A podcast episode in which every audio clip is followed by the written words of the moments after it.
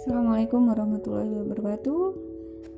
Siang ini saya akan mengisahkan tentang Sa'ad bin Abi Waqqas.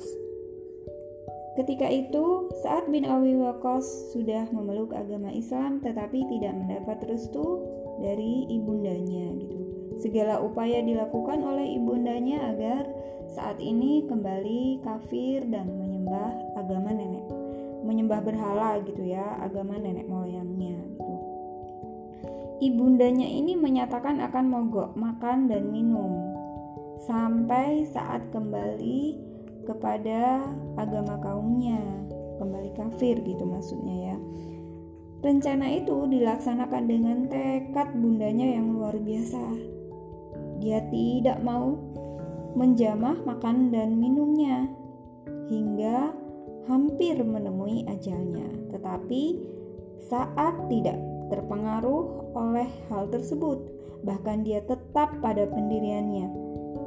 Dia tidak hendak menjual agama dan keimanannya dengan sesuatu apa pun, bahkan walau dengan nyawa ibunya sekalipun. Nah, pada saat itu e, ibundanya sudah semakin sekarat gitu ya. Kemudian beberapa keluarganya itu menjemput saat untuk e, menyaksikan terakhir kalinya bundanya gitu sebelum ajal menjemput.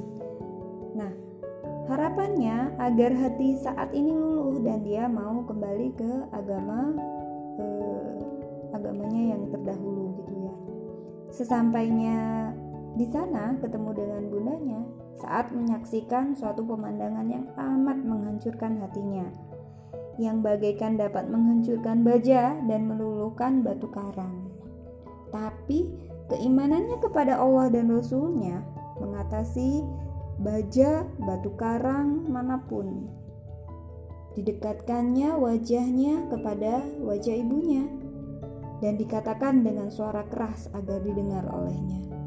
Demi Allah, ketahuilah wahai ibunda, seandainya bunda mempunyai seratus nyawa, lalu dia keluar satu persatu, tidaklah Ananda meninggalkan agama ini, walau ditebus dengan apa pun juga. Maka terselalah kepada bunda, apakah bunda akan makan atau tidak.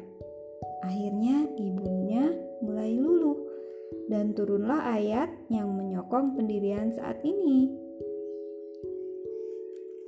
yang bunyinya sebagai berikut.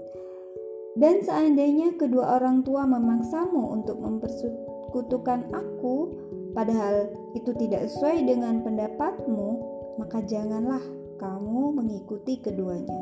Quran Surat Luqman ayat 15 itu tadi adalah kisah Sa'ad bin Abi Waqqas dengan uh, pendiriannya gitu ya. Jadi kita maksudnya uh, boleh dan memang dianjurkan kita mematuhi orang tua tetapi tidak dalam uh, selama bukan maksiat gitu ya itu tadi perbuatannya itu saja mungkin